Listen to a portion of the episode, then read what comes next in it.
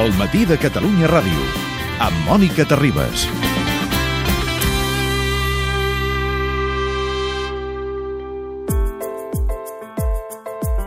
El Col·legi de Gestors Administratius de Catalunya us ofereix l'informe Sala i Martín. Que, com sabeu, és als Estats Units fent classe. I, professor Sala i Martín, bon dia.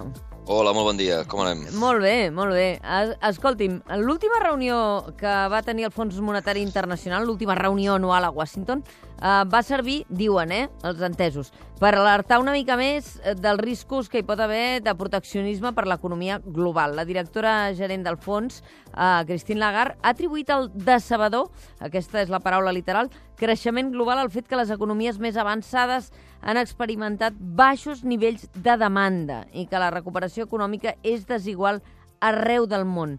Xavier Sala i Martín, què se'n diu d'això? Uh, què, què és el que li arriba al professor del, de l'ambient que es va respirar en aquesta reunió del Fons Monetari Internacional? Bueno, jo crec que el, la, l'ambient era de, de més optimisme que la reunió de fa sis mesos. Um, fa sis mesos recordeu que hi havia la, la predicció de que tornàvem a una gran crisi, la Xina estava col·lapsant, Europa no sortia, el món emergent havia, estava en, en plena crisi, bàsicament per culpa de les caigudes del preu del petroli, doncs tot, tot aquell pànic que hi havia fa sis mesos eh, sembla que ha desaparegut una mica i, i per tant hi ha una mica més de, una mica més d'optimisme. Sobre la Xina gairebé no se'n va parlar, cosa que Ah, és no? bo, perquè no, no, no, perquè és bo, diguem, perquè fins ara la, la, el, gran, el gran problema sempre era com la Xina no podria diguem, la, la Xina havia de fer a caure en una recessió perquè esta, tenia una bombolla un, similar a la bombolla immobiliària espanyola de l'any de l'any 2008. Uh, bàsicament passava una mica el mateix, excés d'oferta de, de, de... A Espanya hi havia excés d'oferta de pisos, doncs allà hi ha excés d'oferta de tot, i per tant, eh, diguem, s'estava pensant, es pensava que hi hauria una catàstrofe, un cataclisme tipus Espanya, però a l'oest, perquè era, era molt, molt més gros, i tot això no, no, no, no ha passat, i per tant la Xina ha passat desapercebuda, eh, i en aquest sentit són bones notícies. I en canvi Alemanya no. Alemanya no va passar desapercebuda en aquesta reunió, eh? Sí, bueno, eh, a veure, el, el, la, la directora gerent té una, una mania persecutòria amb, el, amb, la, amb la despesa pública. És a dir, ella, el, la seva filosofia és que s'ha de gastar més, com tu has molt, dit molt bé a la introducció, la, la, ella el que vol és que ell- ella creu que el món està desaccelerant perquè no hi ha prou demanda, però demanda vol dir que eh, ni les famílies, ni les empreses, ni els governs, ni els estrangers, eh, que són les quatre fonts de, de demanda, de les, quatre tipus de gens que compren els productes d'un país, eh, doncs cap d'ells està comprant prou. Mm. Eh? Les famílies tenen por perquè ai, ai, ai, que ve la crisi, les empreses no veuen possibilitats d'inversió, eh, eh, els governs estan en modus austeritat i els estrangers estan en crisi, és a dir, ningú compra i llavors ella, la seva teoria és, escolta'm, com que ningú compra, nosaltres controlem els governs, doncs que sigui el govern el que faci despesa pública. Mm.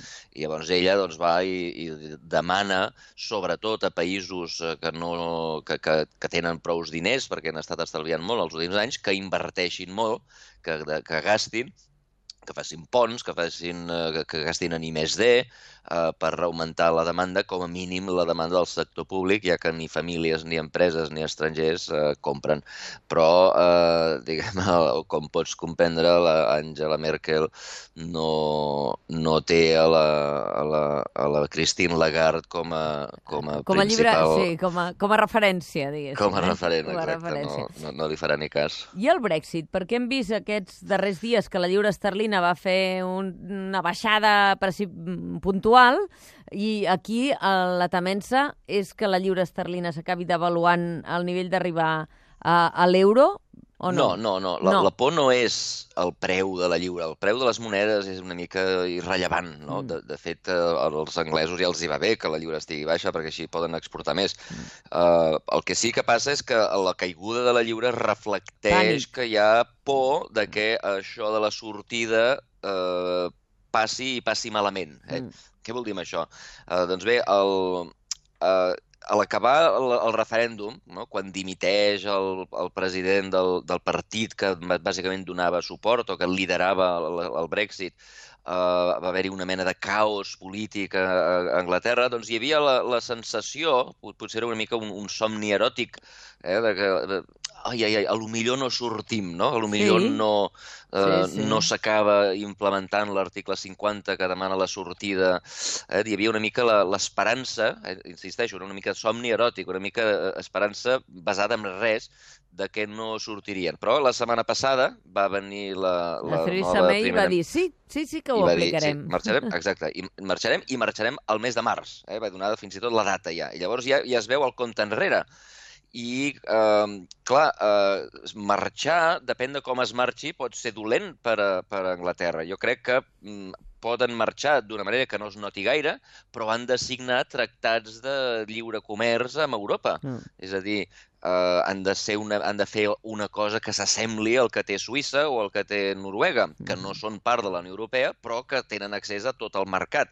Si de sobte eh, Anglaterra marxa o el Regne Unit marxa i no, i no tenen aquest tipus d'acords, doncs, eh, doncs pot haver-hi problemes greus. I aleshores el món té problemes no de que surtin, perquè ara ja sembla clar que sí que sortiran, que aquell somni eròtic no, No, diguem, era no només es un somni. Sinó que surtin malament, eh? que surtin abans d'hora, que surtin sense estar preparats, que surtin eh, i comencem a posar una, a tenir una guerra comercial entre Europa, o el que quedi d'Europa i, eh, i el Regne Unit, i això sigui perjudicial per les dues parts. I això sí que era un tema de preocupació gros eh, eh, en els mítings de la setmana passada. Ara m'ha fet pensar, amb això dels somnis eròtics, m'ha fet pensar en Donald Trump. Uh, eròtics i de mal rotllo, diguéssim, eh? Però, però eh, aquest és un compte enrere que està molt més proper, perquè el 8 de novembre està aquí a la cantonada, és molt més a prop que el març del, del 2017. I aquestes eleccions eh, sí que poden fer trontollar les expectatives econòmiques o no, en funció de qui guanyi? Com ho va viure? Perquè l'última vegada que vam parlar eh, va dir, home, ni l'un ni l'altre, per entendre'ns, eh, fan gaire il·lusió. Després del debat de l'altre dia sobre la política econòmica, em va treure l'aigua clara o es van dedicar només a parlar dels afers sexuals de cadascuna de les famílies, diguéssim? Doncs bé, en part, la primera part del debat va ser sobre afers sexuals. Va sí, ser sí. Jo va ser el, la cosa més uh, tercermundista que he vist a la vida. O sigui, el, el Trump amenaçant a la Hillary, si guanyo et portaré, et, et portaré a la presó. Uh, és una cosa, jo, jo, la veritat és que era indigne d'un país democràtic, una cosa que jo no havia vist mai, la, la, el baix nivell d'aquell debat.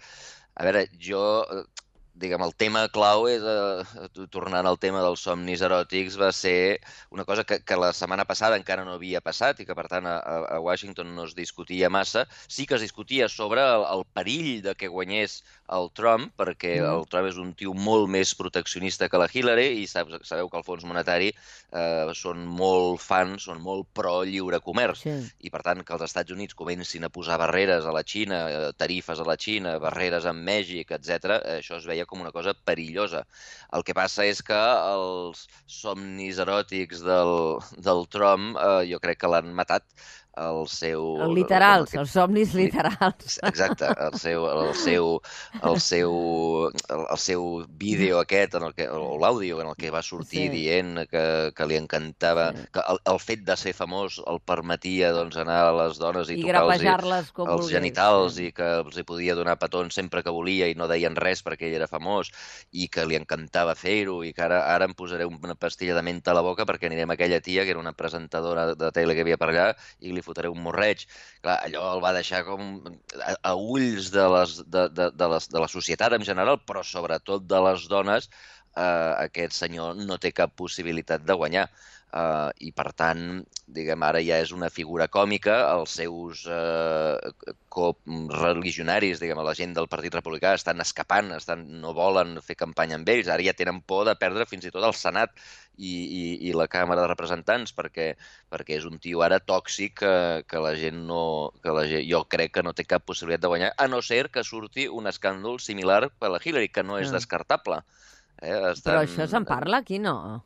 Sí, sí, sí. Bueno, no, no, no un escàndol sexual, eh? Ah. Però sí un escàndol dels e-mails. Estan, Sí. Sabeu que ha sortit Sí, uns sí. hackers eh, russos que sembla que són del govern rus, que han hackejat els comptes d'e-mail de la gent del Partit Demòcrata i cada dia estan traient 2.000 o 3.000 e-mails comprometedors, ahir va, eh, comprometedors, eh, va sortir fa un parell de dies el, el, els e-mails del cap de, de la campanya del, de, de la Hillary, eh, doncs, dient que la Hillary era una mentidera patològica, cosa que és veritat, vull dir, la Hillary ha estat enganxada amb mentides des de, des de que era la- l'esposa del president, eh, eh, diguem, i, i, i, però que ho digui el seu propi cap de campanya... Sí, és fatal. una Si ho diu el teu no cap és de campanya, és fatal. Exacte. No, no és devastador, com el vídeo del Trump, però no sabem ben bé què hi ha en, aquests, en, aquest, en aquestes entregues eh, eh, per etapes que anirem veient. Eh, Mm. Si hi ha alguna cosa devastadora la setmana abans de les eleccions, la cosa podria canviar.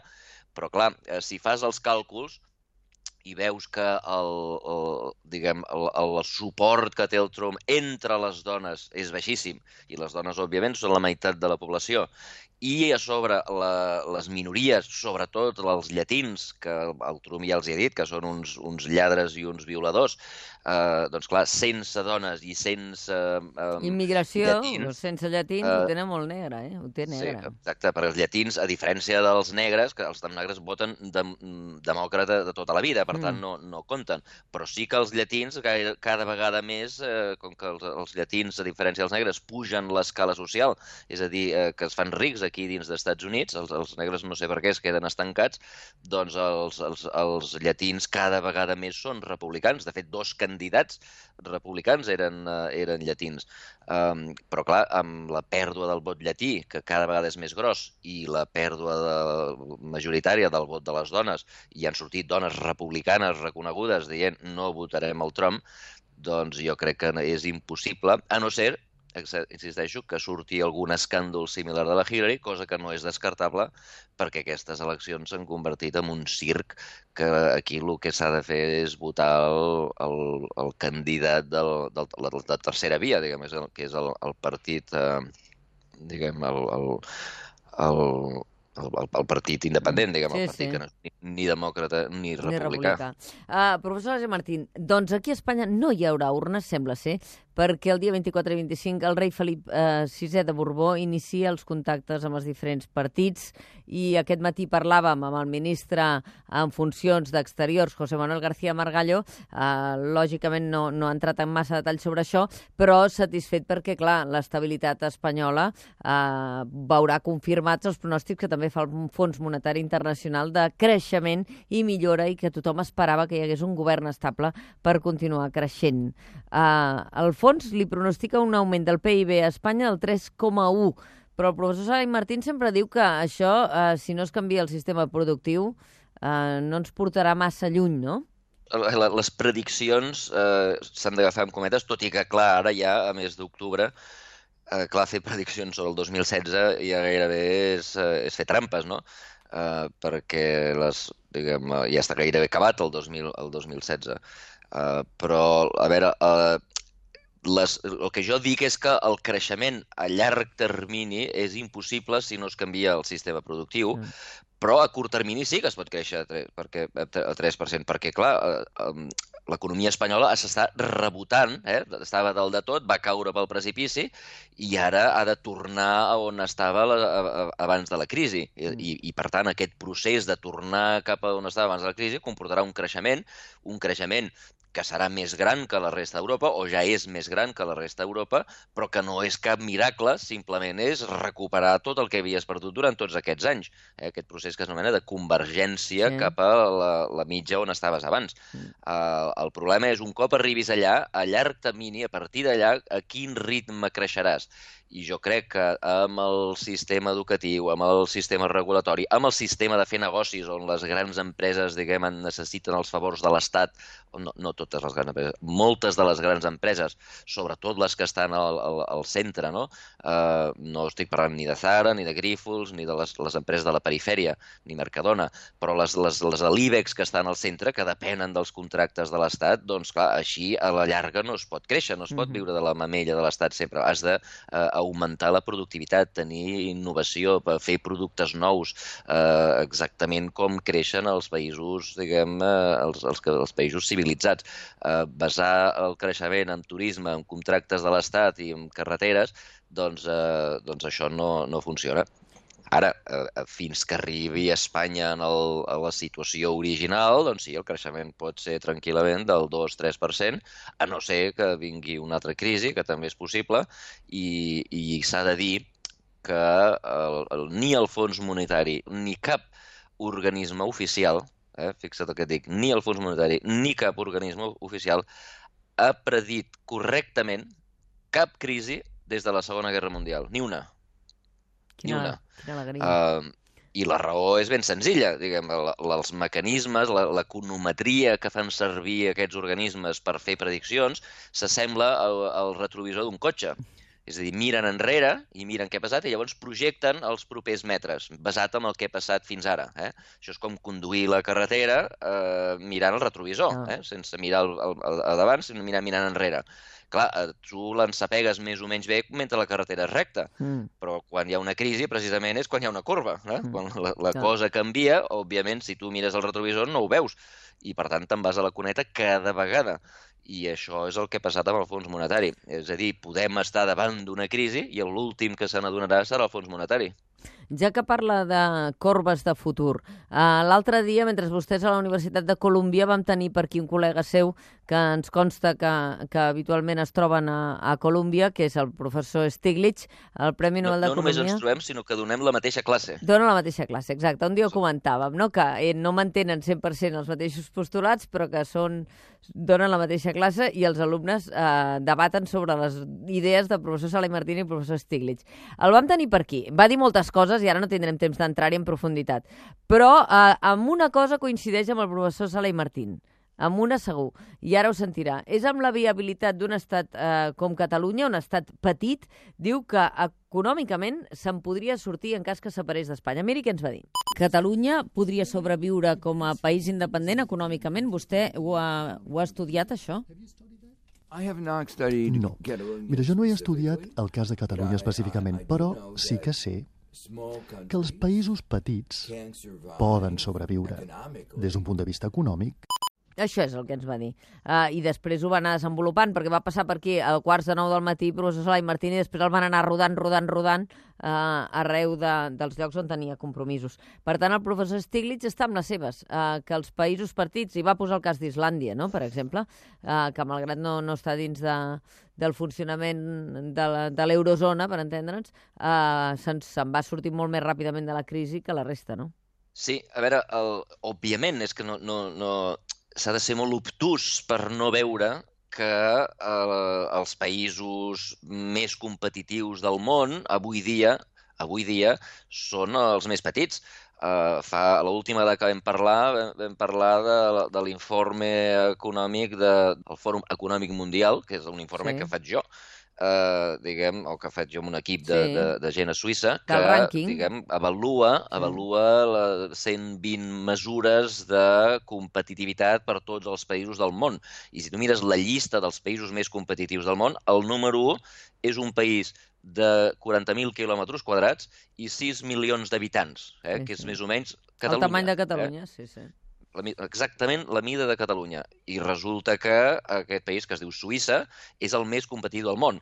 Um, Stiglitz, a més, diu que no només que els països petits tenen possi grans possibilitats de créixer a llarg termini, sinó que en mencionar Islàndia el que diu és que en tenir eines pròpies per eh, eh, Poder fer devaluar la la moneda, pròpia etcètera, política, sí. doncs són molt més flexibles per sortir de les crisis. Mhm. O sigui, l'Stiglitz el posava com a exemple de país no que no pateix crisis. Òbviament, tothom pateix crisis, els grans, els petits, els mitjans, tothom pateix crisis. Però eh, Islàndia és un exemple d'un país que va patir la crisi més gran, de fet, va, va ser catastròfic el que van patir, i, i Islàndia és del tamany, és de la mida de Sabadell, eh? no, no, no de la mida de Catalunya, sí, és de la mida sí. de Sabadell. Eh, doncs eh, doncs eh, van ser els que més ràpidament van sortir de la crisi. Per tant, eh, els països petits tenen no només la possibilitat de ser més flexibles eh, per sortir de crisi, sinó que a sobre, mm, a llarg termini, tenen, com que tenen les eines, com que tenen la possibilitat de decidir quines infraestructures es fan, quina inversió es fa, quina regulació tenim, quin sistema educatiu tenim, sense tenir eh, ni senyors verds ni senyors margallos que et diguin no, no, tu has de fer això encara que això no t'interessi, o tu tindràs aquestes infraestructures que passen per Madrid encara que tu t'interessin unes altres. Com que tot això no, no et passes, ets un país petit que decideixes les teves pròpies polítiques, doncs, òbviament, aquests països tenen la possibilitat d'anar millor. Uh, i, i, i no és una teoria esotèrica que vingui del cel o que s'inventi l'Stiglitz, o, o, o no és una cosa que ens hem de creure perquè l'Stiglitz té el Premi Nobel. Uh, no, no, és una cosa que es pot veure en la realitat. Mira quins són els països més competitius del món, mira quins són els països que avui dia s'estan fent més rics, eh, i veuràs que són petitets. Estem parlant de, de, de Singapur, mm. estem a banda de Suïssa, de Singapur, de Finlàndia, de, de Hong Kong, eh, i fins i tot de països com Suècia, països petitets, petitets, petitets. Suècia no és tan petitet, però també és molt petitet. Eh, països com Dinamarca, eh, i, i em sembla que està claríssim. Eh, per tant, eh, qui digui que Catalunya fora d'Espanya serà miserable per los siglos de los siglos, pels... està fent truites, està, està fent política per, perquè la gent tingui por. Eh, no és veritat, no, és impossible que sigui veritat. Les dades, ni les dades ni la teoria ens eh, indiquen que això sigui veritat. Una altra cosa és que les baralles polítiques que pugui haver, és a dir, que els espanyols s'enfadin i que comencin a fer coses, pot sí, ser sí, sí. Uh, però, però que, que a nivell uh, econòmic Catalunya uh, anirà millor. No, no, no, no, no, perdona, no anirà millor, pot anar millor, eh? això està claríssim, perquè en el moment que Catalunya és independent esdevé un país normal que pot triar les seves polítiques, el qual no vol dir que triarem bé, Eh? No. Potser tria, si triem polítiques com Portugal, ens anirà com Portugal, que és un altre país petitet. I, però si triem polítiques per anar com Suïssa, anirem com Suïssa. El que sí que passarà és que el nostre destí dependrà de les nostres polítiques, com passa amb Holanda, amb, amb, amb Islàndia o amb Finlàndia, eh? o amb Suïssa. De, les coses depenen de tu. I llavors, si tu ho fas bé, t'anirà bé, i si ho fas malament, anirà malament. Però no tindràs algú que, de, que defensa els seus interessos que no són els teus. Les infraestructures que interessen a Madrid passen per Madrid, no passen per Catalunya. Per tant, no són les que ens interessen a nosaltres per créixer a nosaltres. Les nostres infraestructures òptimes no passen per Madrid. Les seves sí. El professor Salai Martín queda emplaçat a baixar-se al podcast del ministre Manga, García Margallo, que no ho veu exactament igual. Eh? De fet, ell creu que no passarà això de la independència de Catalunya. Per tant... Això, veu... això és una altra cosa. Això és una altra, cosa. cosa. Veurem... Passarà o no passarà una altra cosa. El que estic dient és, si passa... Si passa, uh... se'n sortiria i, i o naturalment, digui el que digui el Margallo. O sigui que, que segurament el Margallo té, té estudis d'economia profuns i d'història i segur que ell ho pot veure, eh, mira, que miri quin, quins són els països més rics del món i veurà que molts d'ells són iguals, com Suïssa, o més petits que Catalunya. Professor Salai Martín, fins d'aquí 15 dies. Moltíssimes gràcies. Adéu, bona nit. Que vagi bé.